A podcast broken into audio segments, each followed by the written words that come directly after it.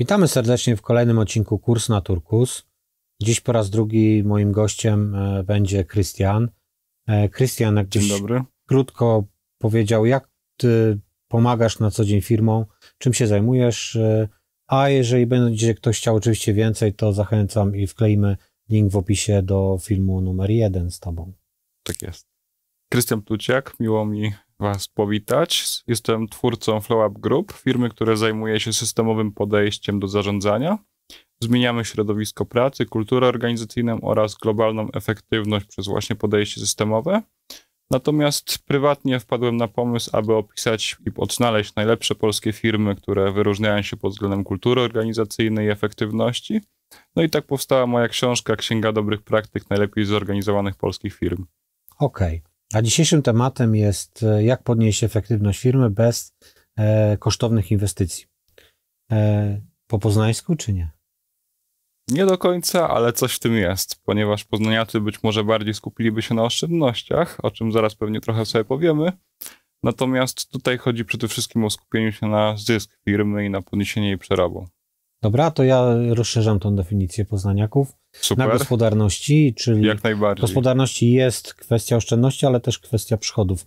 Czyli jakby Jak chodzi o to, tak. żeby... Tu strzeliliśmy w 100%.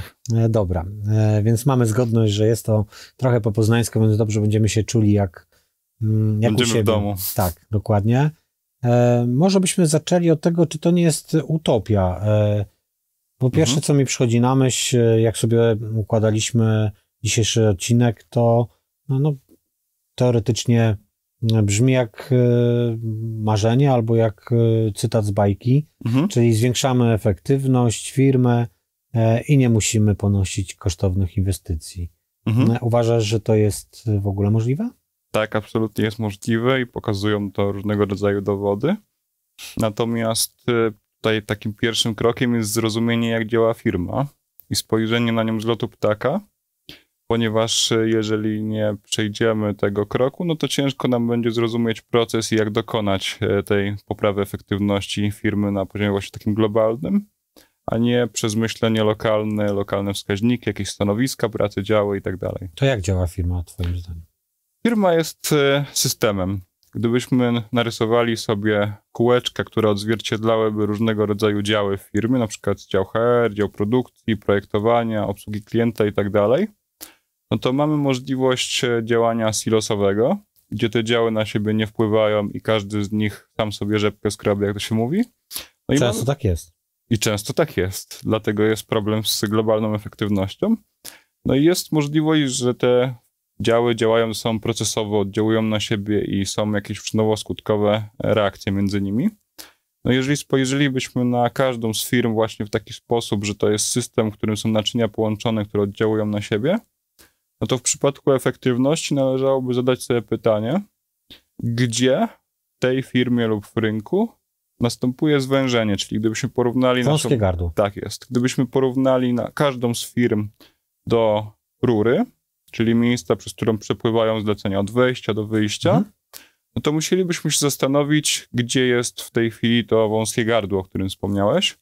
Czyli jeżeli nasze moce firmowe w tej chwili są wolne, moglibyśmy obsługiwać więcej zleceń, to prawdopodobnie powinniśmy je skupić na rynku, ponieważ brakuje nam zleceń, czyli sprzedaż, marketing, poprawa efektywności w tym aspekcie.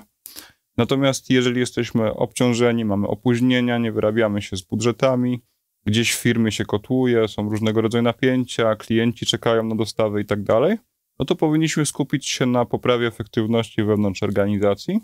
I to jest jakby pierwszy krok, żeby zrozumieć, jak systemowo poprawić efektywność naszej organizacji. Czyli powinniśmy sprawdzić, czy ograniczenie jest w rynku, czy w firmie. Oraz jeżeli jest e, już e, odpowiedź na to pierwsze pytanie, to poszukać szczegółowo, gdzie konkretnie jest element, który determinuje wynik całej organizacji. No i to jest e, coś, od czego w ogóle powinniśmy wyjść, myśląc o poprawie efektywności. Brzmi jak teoria of constraint Goldrata. Tak, trochę, dokładnie tak. Poszukiwanie. Ja bym to nawet e, w zakresie firmy chyba lepszym przykładem do zobrazowania to jest organizm nasz, tak? Mamy serce, mhm. mamy e, wątrobę, energii, mhm. każdy ma, każdy narząd jest istotny. Możemy sobie oczywiście różnie ponazywać działami, ale tak mhm. tak naprawdę bez funkcjonowania chociażby jednego narządu w sposób prawidłowy, no gdzieś zaczyna się, e, tracimy zdrowie. O. Tak to... Można by powiedzieć, że spada nasza efektywność e, mhm. na takim ogólnym uproszczeniu. Tak, do tego stopnia, że niekiedy jak dostajemy mocnej zadyszki powiedzmy, to nie potrafimy e, biegać, nie potrafimy chodzić, albo też tak. E, sprawia nam to wielki, wielki ból. Mhm. To co zrobić, żeby, żeby nam się miło biegało, miło chodziło i żeby ta efektywność była na, na wysokim poziomie. I jeszcze mówi, mówiąc to, nie chodzić na siłownię, bo tutaj taki tytuł, który mówisz, że mhm. no, będzie super ekstra, będziemy mogli sobie biegać do woli, nie będziemy się męczyć, będziemy efektywni, mhm. ale nie będziemy musieli chodzić na siłownię. Mhm. Do woli to może nie, ponieważ zawsze będzie gdzieś ograniczenie, które będzie determinowało wynik naszej organizacji. Gdyby takiego nie było, no to moglibyśmy osiągać nielimitowane zyski i nieustannie się rozwijać bez żadnych barier, więc zawsze będziemy mieli jakieś ograniczenie. Natomiast e, w pierwszym kroku chyba ważniejszą jest odpowiedź, czego nie robić, co powoduje, że jest trudno nam osiągnąć ten zysk. I tu jest, y, myślę, że pierwszym takim dużym symptomem jest to, że myślimy lokalnie. I większość e, przedsiębiorców, e, z którymi pracowaliśmy, działała tak, że starała się doskonalić jakiś obszar. Tak, mhm. Tak, wcześniej powiedzieliśmy o jakichś e, silosach, czyli na przykład starali się przez narzędzia SMET przyspieszyć przezbrojenie jakiejś maszyny, która nie była tym ograniczeniem, albo starali się doskonalić procesy, czyli na przykład wdrażali rozwiązania typu lean management i tak dalej. Często też e, w firmach funkcjonują programy Kaizen, czyli doskonalenia różnych obszarów, skąd przychodzą zgłoszenia, pomysły i tak mhm. dalej. Natomiast są one trochę losowe i też nie, nieczęsto nie dotykają e, tego kluczowego obszaru. No i są też e, aspekty doskonalenia stanowisk, czyli różnego rodzaju szkolenia, wprowadzanie zasad 5S, czyli standaryzacji miejsca pracy, czyszczenia i tak dalej. Natomiast e, jeżeli te wszystkie aspekty nie odnoszą się bezpośrednio do tego, co determinuje nasz wynik firmy, nie są brane pod uwagę, no to tylko roztrącamy naszą uwagę na rzeczy, które nie są tak bardzo istotne w e, danej chwili. Czyli nie skupiamy się na przykład na procesie sprzedaży, jeżeli on jest istotny do poprawy efektywności firmy, albo do maszyny, procesu czy zasobów, które determinują wynik organizacji. No i też e, drugi aspekt to jest nasz sposób myślenia jako właścicieli, o którym trochę mówiliśmy ostatnio.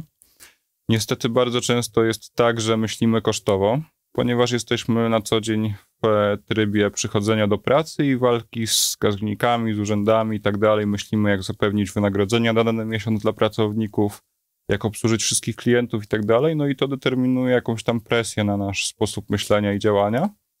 Zwłaszcza jeżeli firma nie jest w idealnej kondycji finansowej, a w tej chwili dużo przedsiębiorstw ma problemy z, czy z Nowym Ładem, czy z cenami energii, czy z kosztami pracy i różnymi innymi aspektami. No i to nas wtrąca w takie, taką przestrzeń, w której zaczynamy czuć strach, lęk i skupiamy się na tym, żeby przetrwać i myślimy o kosztach. Natomiast największym kosztem w firmach zazwyczaj są pracownicy. No i jeżeli zaczniemy się skupiać na tym, żeby redukować e, koszty, to będziemy chcieli, brzydko mówiąc kolokwialnie, przyciąć e, być może jakieś etaty, zredukować e, koszt jakości, obniżyć koszt dostawców, jeżeli chodzi o Dobra, materiały. To tylko mała gwiazdeczka, żeby też nasi słuchacze zrozumieli i mhm. bym tylko chciał skomentować albo sprostować. Mówiłeś, że pracownicy to największy koszt. To zależy, bo jeżeli firma usługowa, to w 100% się z Tobą mhm. zgodzę, no bo to jest faktycznie często mhm. 60, 70, 50% to zależy od tak, biznesu. Natomiast przy produkcji mhm. materiały najczęściej mhm. e, gdzieś stanowią około 60%, to jakaś tak tam średnia oczywiście. A koszty pracownicze to jest 10-15. Ale mhm. teoretycznie faktycznie te, które mamy najłatwiejszy wpływ tak. E, bo je widzimy. Tak, no i też e, wymieniłem między innymi właśnie redukcję tych kosztów zasobów, czyli pogarszanie często jakości tak naprawdę naszej firmy, no bo zazwyczaj musimy kupić wtedy coś gorszego. No i to może spowodować taką pętlę hamowania, w której w przyszłości odczujemy efekt naszych dzisiejszych działań.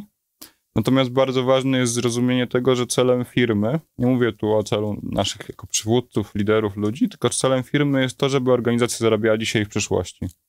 Więc jeżeli zrozumiemy to zdanie, które jest tak naprawdę bardzo głębokie, to powinniśmy się skupić na tym nie jak oszczędzać, więc to też jest bardzo istotne, zwłaszcza jeżeli, tak jak wspomniałaś, mamy firmę produkcyjną, gdzie ten obszar kosztów niezwiązanych z ludźmi jest duży i tam rzeczywiście jest często pole manewru.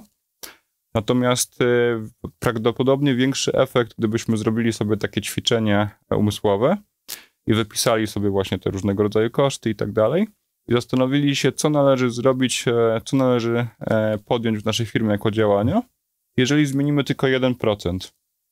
No i zazwyczaj wychodzi, że jeżeli zajmiemy się efektywnością, mówię tu efektywność całej firmy, czyli będziemy mieli większy przerób, to to nam naj, największy skok e, zysku organizacji. Dlatego uważam, że jest to najlepsza metoda, żeby skupić się właśnie na poprawie globalnego przerobu i zysku. No i teraz wracając do Twojego pytania, I jeszcze nawiązując do mojej ostatniej myśli, ten nasz sposób myślenia, który z jednej strony jest właśnie kosztowy i często odciąga nas od e, podnoszenia zysku, z drugiej strony przekłada się też e, na to, że często nie patrzymy systemowo i nie rozumiemy tego. I na przykład zdarza się, że mimo, że wiemy, że na przykład maszyna produkcyjna z firm, do których nawiązałeś, która jest na przykład laserem, nie pracuje w danej organizacji na 100%, to my naturalnie myślimy, że on, jeżeli ona będzie pracować e, w pełnym obciążeniu, no to polepszy się wynik organizacji, a tak nie jest, jeżeli to nie jest wąskie gardło. No i bez sensu tracimy wtedy czas i energię na poganianie na przykład pracowników, żeby pracowali szybciej, robienie różnego rodzaju e, działań, które odciągają tak naprawdę nas od tego głównego celu, czyli zysku firmy. Natomiast e, odnosząc się do twojego pierwszego argumentu, czyli myśli, że, że to może być utopijne, Zazwyczaj jest tak, że czujemy mimo wszystko te wąskie gardła tak intuicyjnie, czyli wiemy, co nam przeszkadza, bo widzimy, że w na przykład dziale projektowym wszystko się kotłuje, jest dużo chaosu, problemów i tak dalej, że klienci się skarżą, albo że na przykład jakaś maszyna nie wyrabia i tak dalej.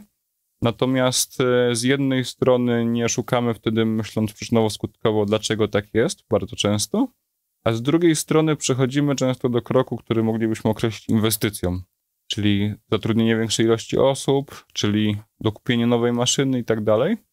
Natomiast e, w podejściu, e, o którym wspomniałeś, czyli po polsku teorii ograniczeń, chodzi o to, aby skupić się na, najpierw na tym, żeby zlokalizować to ograniczenie, to co determinuje nasz wynik firmy, a potem spróbować je wyzyskać w sposób właśnie bezkosztownych inwestycji. Czyli sprawdzić, co możemy zrobić, żeby zredukować straty, jeżeli to jest na przykład maszyna, czyli właśnie tutaj możemy przyłożyć szybsze przezbrojenia, możemy sprawdzić, czy ludzie na przykład mogą inaczej iść na przerwy, żeby mhm. maszyna nieustannie pracowała. Jeżeli to jest e, zarządzanie projektami, no to tu jest troszeczkę inny temat, bo byśmy musieli zacząć go od początku, ponieważ w wielu firmach projektowych czy usługowych, które powielają te same e, czynności i pracują właśnie tak projektowo, tu z kolei bardzo często problemem jest to, że mamy wielozdaniowość na poziomie takiej codziennej pracy. Co chwilę nas ktoś puka po plecach i mówi, że musimy coś zrobić, jest jakiś pożar do ugaszenia, klient czegoś chce opóźnienia, puszczają nam za dużo projektów i tak dalej. No i też na tej poziomie globalnym, że jest zbyt dużo projektów i jeżeli co chwilę się przezbrajamy i robimy coś innego, no to każdy z nich będzie później oddany, niż gdybyśmy się skupiali na jakiejś mniejszej puli zadań i projektów.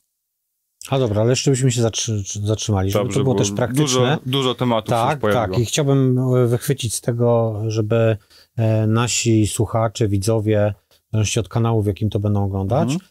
E, mogli mm, coś z tego wynieść. Jakbym teraz cię zapytał, jak, bo mm, Goldratt ma swoje sposoby, jak szukać wąskich gardeł, jak szukać Herbiego, jeżeli ktoś czytał łańcuch krytyczny. Łańcuch krytyczny to będzie wiedział o, o, co chodzi. To już bardziej projektowo. E, tak. To już bardziej projektowo, dokładnie. Natomiast e, czy masz jakieś takie dobre rady, jak mhm. szukać, mówię, że intuicyjnie, że nieraz mhm. wiemy, oczywiście po naszej firmie ja wie, wiemy, że naszym wąskim gardem jest teraz marketing ze sprzedażą mhm. i te procesy gdzieś tam, które się zmieniają u nas, mhm. mamy sporo zmian w tym, w tym obszarze, natomiast co zrobić, żeby do tego podejść systemowo i żeby nie dokonywać inwestycji, to, to pierwsze. Mhm. I jak potwierdzić tą intuicję, czyli mam intuicję, że gdzieś jest to wąskie gardło, ale skąd ja mam, mam być przekonany i mam mieć pewność, że to jest to wąskie gardło, od tego powinienem mhm. zacząć.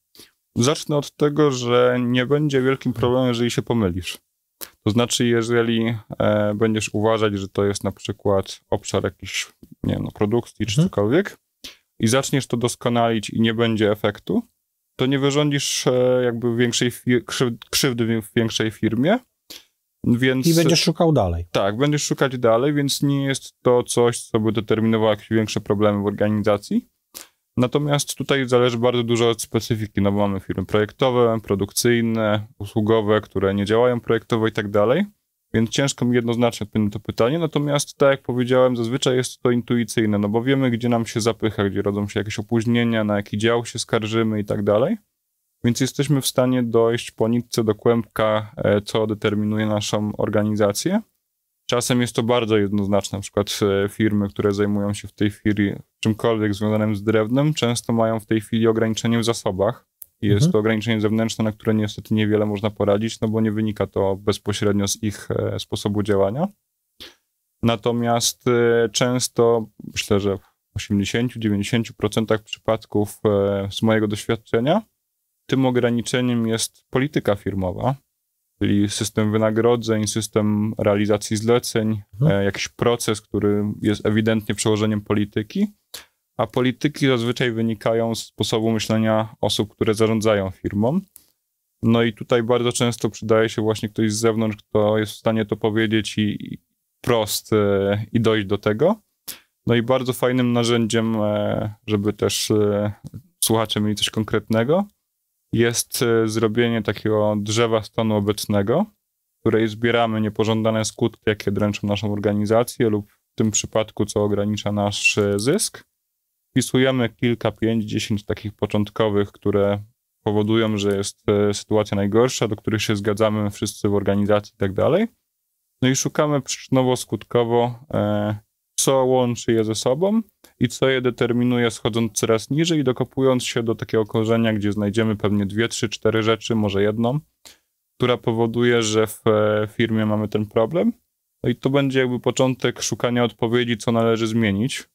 No bo to jest pierwsze kluczowe pytanie, jakie powinniśmy sobie zadać w organizacji, czyli co należy zmienić. Jeżeli to wiemy, no to już łatwiej będzie iść dalej i rozpocząć proces zmiany. Okej. Okay. E, czyli jednak trochę intuicją trzeba się E, posługiwać sposób Popartą faktami. A druga rzecz, e, uważasz, chciałbym ją pociągnąć ten wątek, uważasz, mhm. że osoby z wewnątrz nie są w stanie dojść do przyniesienia? Są w stanie jak najbardziej dojść, ale często zajmuje im to więcej czasu, no bo muszą przeczytać okay. książki, zdobyć wiedzę i próbować e, ryzykować na własny koszt. I mieć tak, inspirację. większości rzeczy, tak jest. A druga kwestia jest taka, jak mamy, nie wiem, ślepotę banerową, czy, czy wszystkiego, klątwę wiedzy i tego typu zjawiska, no to w przypadku naszych organizacji robimy coś przez 5, 10, 15 lat w jakiś utarty sposób i ciężko jest nam zauważyć, e, w jaki sposób to funkcjonuje w naszej organizacji i co determinuje te problemy, jeżeli nie spojrzymy na to z boku i odetniemy się od tych naszych przekonań, sposobu działania i nawyków, które nabraliśmy. Okej, okay, dobra. E, natomiast teraz e, znaleźliśmy wąskie kart, gardło, mhm. zaczynamy je optymalizować mhm. i uważasz, że tu się da zrobić to bez inwestycji? Tak, bardzo często się da. Oczywiście są jakieś przypadki skrajne, w których e, bardzo ciężko będzie coś efektywne zoptymalizować. Jednym z takich przykładów być Czyli, może... Czyli, e, zatrzymując się, to jest możliwe, ale nie we wszystkich przypadkach, żeby też... W e, zdecydowanej większości okay. przypadków jest możliwe, przynajmniej w jakiejś skali, natomiast doświadczenie mówi, że bardzo niewiele jest miejsc, gdzie możemy powiedzieć, że tu musimy zainwestować w jakąś maszynę czy jakieś rozwiązanie, bo nie ma żadnego wyjścia. Mhm. To bardzo rzadko się zdarza. Okej, okay. i teraz... Y podaj takie przykłady, żeby też słuchaczy z takich mhm. wąskich gardeł, które lokalizowałeś, takich bezinwestycyjnych, które mhm. lokalizowałeś y, albo pomagałeś lokalizować mhm. firmie i faktycznie wdrożyliście i, i to przyniosło spodziewany efekt i przełożyło się na, na zysk firmy. Podam przykład e, kolegi z zespołu. Pozdrawiam Marku e, serdecznie. Mark Żanowski, który zajmuje się właśnie tymi aspektami u nas. E, Marka nie znam, ale też go pozdrawiam, jak już mam okazję. Podam przykład najpierw firmy, w której pracował, kiedy poznał to narzędzie, etatowo jako człowiek od ciągłego doskonalenia. To była firma, którą pewnie dobrze znasz, bo to były zakłady Cegielskiego w Poznaniu. Znam. No i Marek zauważył, że E, w pewnych e, maszynach, w frezarkach bramowych, jeżeli dobrze pamiętam, było e, duże obciążenie. No i w taki sposób poukładał produkcję, nie będę tu wchodzić w szczegóły, wejdę przy drugim przykładzie, że uwolnił około 3 miesiące pracy w skali roku tego ograniczenia, na, rozkładając na inne maszyny, procesy i tak dalej. Natomiast drugi przykład, którym teraz wejdę Czyli jeszcze ja chcę tylko uchwycić ideę. Czyli zamiast wszystkie czynności, operacje przerzucać na, tą, na herbiego czy na wąskie gardło, mhm. to część, które można było wykonać na wcześniejszych stanowiskach, które nie były wąskimi, tak. to były wykonywane. To tak, żeby, teraz tak... w bardzo prostym przykładzie. E, dosyć duża firma, która, jedna z największych, która się zajmuje drukiem offsetowym w Polsce, mhm. drukarnia. I tutaj ograniczeniem była jedna z e, maszyn. Natomiast e, wydawało się tak przy tradycyjnym podejściu i kalkulacji, że nie opłaca się przenosić tych e, zleceń na inne, wolniejsze maszyny, no bo to się jakby nie kalkulowało w taki prosty sposób myślenia. Natomiast e, ponieważ to jest ograniczenie i zrozumienie tego powoduje, że zaczynamy myśleć, jak uwolnić te moce produkcyjne, żeby zwiększyć właśnie moc zakładu, powodowało, że część produkcji została przeniesiona na inne stanowisko, które było wolniejsze i tak dalej. Natomiast znacznie przyspieszyło to i zwiększyło moce produkcyjne firmy. No i przyniosło ograniczenie, bo tutaj przechodzimy jakby do kolejnego kroku, zawsze jest dziś ograniczenie, na e, proces druku, na maszyny drukarskie. No i tutaj wyszło coś, co jest e, też e, często wbrew intuicji z kolei działu sprzedaży. Chodzi o to, że wydaje się przynajmniej pozornie, że książki, które są duże, czyli jakieś Biblie, leksykony i tak dalej, i są często dużymi nakładami, że, że dają dobry przerób, dobry zysk e, organizacji. Natomiast okazało się, że skoro naszym ograniczeniem jest e, ta maszyna drukarska, no to w takim razie powinniśmy się skupić na tym, żeby jak najwięcej tych zleceń przeszło przez tą maszynę. A w związku z tym, że na przykład kartki przy tych zleceniach są małe i tak dalej, no to one zajmują dużo czasu w tej przy te, pracy przy tej maszynie. Więc e, kalkulacji, którą nazywamy w e, teorii ograniczeń rachunkowością przerobową, wyszło nam, że lepiej jest brać innego typu zlecenia, natomiast te nie są aż tak rentowne. Stąd tutaj poszła informacja do działu sprzedaży, aby inaczej dobierać miks zleceń i to również e, pomogło. A generalnie drukarnia e, bez kosztownych inwestycji poza oczywiście samym projektem, podniosła ilość e, drukowanych książek i pobiła rekord swojej historii. E, I teraz rozważa inwestycje, albo ona już jest w toku na nową maszynę drukarską, no bo tutaj już niewiele dało się zrobić. Mhm. Czyli jest. to jest jakby krok, który jest e, dopiero na końcu. Jeżeli zrobimy wszystkie inne możliwości, nie wiem, zmienimy przerwy śniadania, sposób zarządzania projektami i tak dalej, i tak dalej, wszystko co możemy, jeżeli chodzi o eliminację tych strat, które mamy na wąskim gardle, no to wtedy dopiero myślimy o inwestycji, wtedy to ma jakieś uzasadnienie.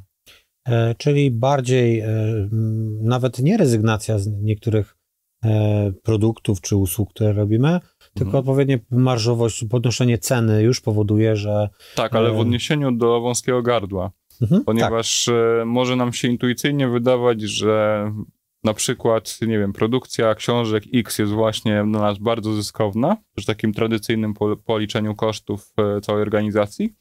Natomiast jeżeli weźmiemy pod uwagę przy kalkulacji to wąskie gardło, to jest jakby kluczowe, no to okazuje się tak naprawdę, że e, to inny produkt jest jakby najbardziej zyskowny dla organizacji.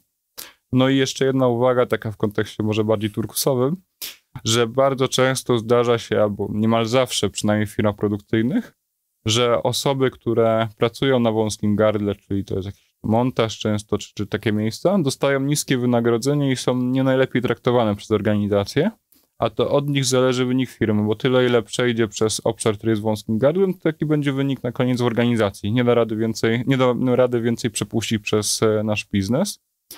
Stąd e, taka refleksja, żeby zastanowić się i pochylić nad e, osobami, które są w tym kotle, i co możemy dla nich zrobić, żeby im się lepiej pracowało, efektywnie i tak dalej, i tak dalej. E, no i jeszcze aspekt tego, że teraz często tym ograniczeniem jest właśnie brak rąk do pracy. W wielu zawodach na przykład brakuje spawaczy i tak dalej. E, w Księdze Dobrych Praktyk jest e, fajny przykład od Igora Gielniaka. Natomiast odnosi się do tego, że w przedsiębiorstwie, które miało duże problemy finansowe, produkcyjnym, brakowało właśnie spawaczy. No i on rozejrzał się tylko i wyłącznie w tej firmie i znalazł tych spawaczy w narzędziowni, która niewiele dawała wartości organizacji, niewiele produkowała i przeniósł ich na stanowisko produkcyjne, co zwiększyło moc e, całego zakładu. Natomiast nie wiązało się to z absolutnie z żadną inwestycją i to jest kolejny przykład, gdzie możemy zrobić bardzo wiele bez przechodzenia od razu do tego kroku o inwestycji. Tak, przesuwając tylko zasoby z jednego obszaru Dokładnie na tak.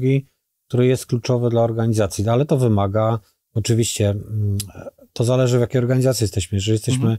pomarańczowej, to oczywiście wymaga decyzji szefa i szef mówi Mhm. e, przechodzisz i koniec. Natomiast jeżeli mówimy o organizacji e, oddolnie zarządzanej, turkusowej, Mhm. e, to tutaj tak naprawdę musi ta samoświadomość być. To wszyscy pracownicy muszą rozumieć właśnie, to co jest istotne. To jest chyba najdłuższy proces. To jest bardzo ich Można to trochę porównać do utrzymania ruchu z produkcji, czyli jeżeli mamy kilka zgłoszeń awarii na przykład na linii produkcyjnej, to jeżeli jest duża świadomość w organizacji, co jest istotne, no to nie będziemy się kłócić na przykład liderem jednego i drugiego obszaru gdzieś albo decydować na poziomie koneksji, tylko wszyscy w firmie będą mieli pełne zrozumienie, że teraz należy na przykład pomóc w przypadku, o którym mówiłeś, sprzedaży i marketingowi, że to dla nich e, powinniśmy działać, że oni są najważniejsi dla organizacji, no bo oni jakby utrzymują w tej chwili firmę i podnoszą efektywność naszą, nasze wynagrodzenia, dbają o nie i tak dalej.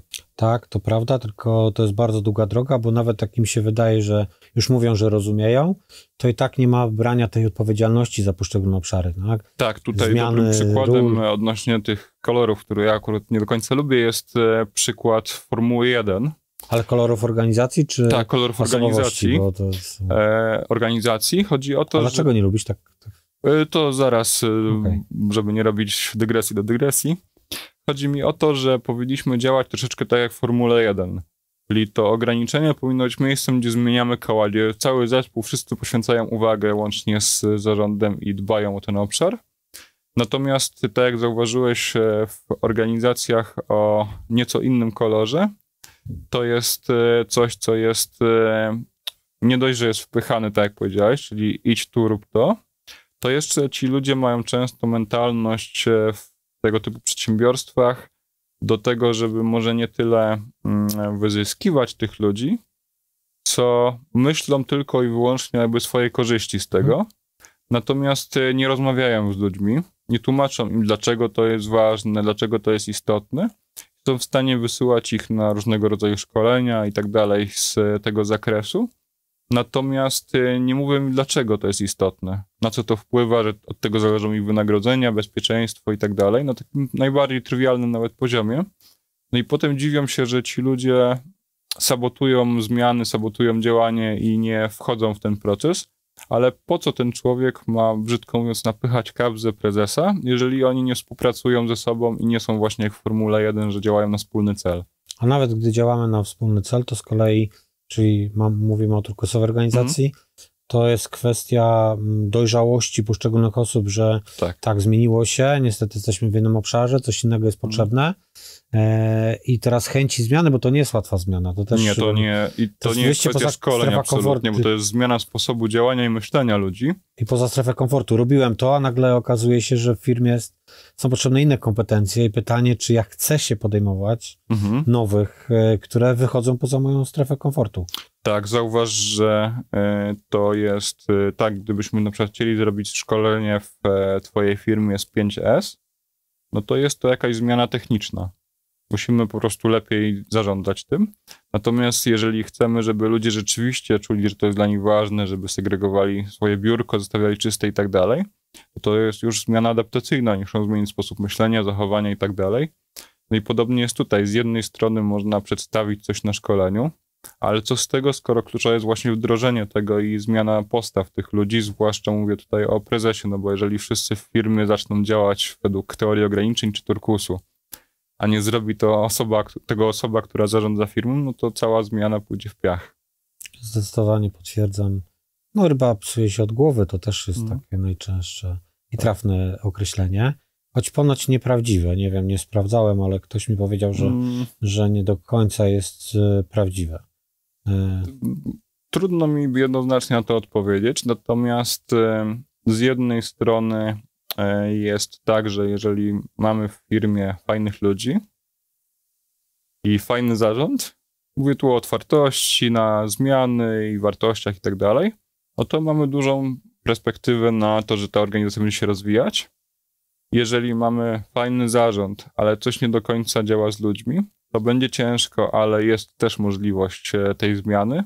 Natomiast jeżeli mamy fajnych ludzi i uproszczenie oczywiście niefajny zarząd, który nie chce się zmieniać, nie chce aktualizować swojego sposobu myślenia, no to bardzo ciężko będzie coś zrobić. Znacznie łatwiej tym ludziom będzie iść do innego miejsca i tam działać, niż w tej firmie walczyć. Rozumiem. No Oczywiście tak, nie tak podaję przykładu niefajnych ludzi i niefajnej firmy, bo tam już zupełnie nic się nie da zrobić. E, tak, tak. No to już jest jakby przegrana. Poza naszym zakresem. Przegrana, przegrana, tak więc nie, nie poruszamy. Dobrze. Hmm? E, I dlatego też uważasz, że jeszcze to jedna dygresja, wrócę. E, nie, nie lubisz kolorów organizacji. Przy okazji zachęcamy Was do odcinka Kurs na Turku Spacer pośród kolorów. E, mhm. Jeden z pierwszych odcinków. Mhm. No ja uważam to za zbytnie uproszczenie pewnych e, aspektów i wolę to przedstawiać na poziomie wartości, które podzielają mi przekonań ludzie a, i do czego to się prowadza, o czym trochę mówiłem w poprzednim odcinku. Czyli na przykład e, to, co jest e, bodajże czerwonym kolorem, czyli ten taki najbardziej prymitywnym.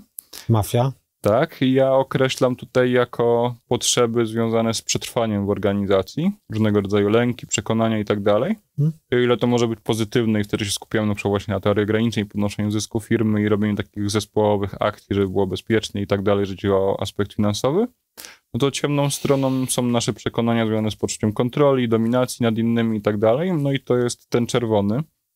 Stąd uważam, że te kolory są takim bardzo prymitywnym nazwaniem tego, co One są uproszczone, zgodzę tak, się, tak, ale tak, tak. my lubimy upraszczanie, bo ono daje nam jakiś punkt zaczepienia, czyli tak. możemy się odwołać i szybciej się komunikować ze sobą, mm -hmm, bo mówimy, dobra, to jest pomarańczowa organizacja, już wiemy mniej więcej, co się kryje. Tak, jeżeli mamy ten slang, jesteśmy w tym środowisku, czytaliśmy pewną książkę i tak dalej, tak, to jest to jakieś uproszczenie. Ale pomarańczowa pomarańczowej nierówna, bo tak jak wspomniałeś, są wartości, nawet się zespoły różnią w, tak, w ramach. I bywają. jeden może być bardziej mhm. turkusowy, a drugi bardziej czerwony. Może czerwony to nie, ale pomarańczowy. Znaczy, tak. trafiałem turkusowe zespoły w korporacjach, więc to tak. takich absolutnie czerwonych, więc to e, Pomarańczowych, e, nie tak, czerwonych. Tak tak, tak, tak, tak, tak. Znaczy, e, rozumiem, że do tych czerwonych to nie odwiedzasz ich zbyt często, nie? Bo to mm, Jeżeli po mafii pruszkowskiej chyba już tak za dużo nie ma, ale... Takie stricte czerwone, to niestety są takie firmy nadal. Tak? E, I czasem zdarza się nam w aspekcie poprawy efektywności, przynajmniej na poziomie pierwszej relacji kontaktu, łapać się z takimi firmami. Natomiast e, są to organizacje, których raczej nie ma sensu nic zmieniać, bo tam się nie uda nic zmienić, więc zazwyczaj kończymy współpracę po kilku kontaktach i wybadaniu się nawzajem. Ale czerwone to jakby dla mnie konkret mafia. Mhm. walka Chodzi z bronią wręcz. firmy, które na przykład e, ewidentnie po opiniach w internecie widać, że oszukują klientów i tak dalej, więc e, okay, to, to albo bursztyn, albo pomarańcz, ale to jest, to są zasady, masz rację, dlatego to jest to teraz cię rozumiem, mm. że w każdym kolorze, bo, bo przez czerwone rozumiem już typowo mafijne. Ja uważam, że to są działania mafijne, więc... E, dobra, tylko no, mamy inaczej ten próg mm -hmm. i mhm. to są te... Tolerancji. Tolerancji, dokładnie, gdzie się zaczyna. Mm -hmm. e, I masz rację, to są te niedoskonałości kolorów, one są jakąś taką e, punktem odniesienia, ale bardzo dużo jeszcze się kryje pod i, i dużo zależy od systemu wartości. Jaki Rzuciłeś mi pewną abstrakcyjną myśl, być może warto było szukać klientów pośród mafii poprawiać efektywność. Efektywność, no tak. wąskie tak. gardła. Oczywiście. Jakbyś za dużo się dowiedział, nie wiem, czy za długo firmę poprowadzić. No, myślę, że mogły być pewne perturbacje. tak. Także najpierw jakieś szkolenie bym proponował i nie wiem, czy jest to zgodne z twoim systemem wartości. Nie, nie jest no, zgodne. No, Właśnie dlatego, dlatego podkreśliłem, że tutaj podrzuciłeś mi pewien żart. Dobrze. E, czyli tak, e, uważasz, podsumowując ten tak. odcinek, e, uważasz, że nie powinniśmy się koncentrować na zysku, bo on jest tylko wypadkową, efektem pewnych działań? Nie, nie powinniśmy się skupiać na zysku teraz i w przyszłości, jako celu firmy. Nie mówię tutaj o celu okay. naszym, jako założycieli tak dalej, bo to jest aspekt mhm. osobny, o którym mówiliśmy trochę poprzednio. Natomiast mówię o tym, żeby zauważyć i wie, wiedzieć, cały czas mieć w głowie, że wszystkie decyzje, jakie podejmujemy i tak dalej, z jednej strony musimy przemyśleć z kwestii wartości i tak dalej, o których mówiliśmy wcześniej, a z drugiej, czy one poprawiają zysk i kondycję firmy i tak dalej w teraz, ale też w przyszłości. Natomiast powinniśmy troszeczkę starać się porzucić kwestie związane z oszczędnościami, z kosztami i tak dalej, bo one nas często odciągają do działań, które są mniej efektywne, lub są w ogóle pozornie efektywne, bo tylko w Excelu nam się coś zmienia, wynik firmy się tak naprawdę ani trochę nie ruszył. Mhm. E, no i powinniśmy zastanowić się nad naszym sposobem właśnie myślenia z takiego lotu ptaka, żeby dostrzec organizację i zobaczyć, co determinuje wynik, jaką zmienić.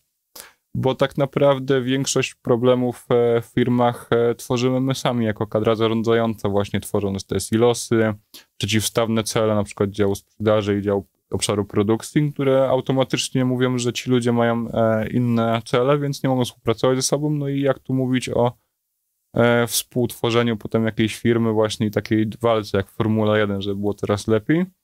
Skoro ci mają cel, żeby więcej sprzedawać, a ci, żeby lepiej produkować, no to ciężko będzie to przełamać. I dlatego jest to tak trudne, bo jakby faktycznie wymaga to zmiany myślenia i kultury. Mhm.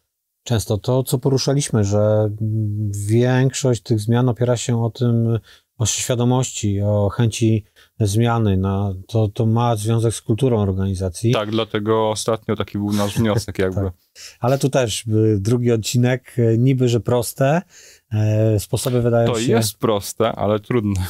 O, to jest proste, bo wiemy, możemy to łatwo zdiagnozować. Tak, i zrozumieć ogólnie ten mechanizm, chociaż techniczna zmiana już e, jest procesem, który jest cięższy i dłuższy. E, I dobra, i o ile firma, która ma jeszcze jakiekolwiek zyski, nawet tak jak nasza, no, może przetrwać i doczekać się zmiany mhm. i wzięcia odpowiedzialności ludzi.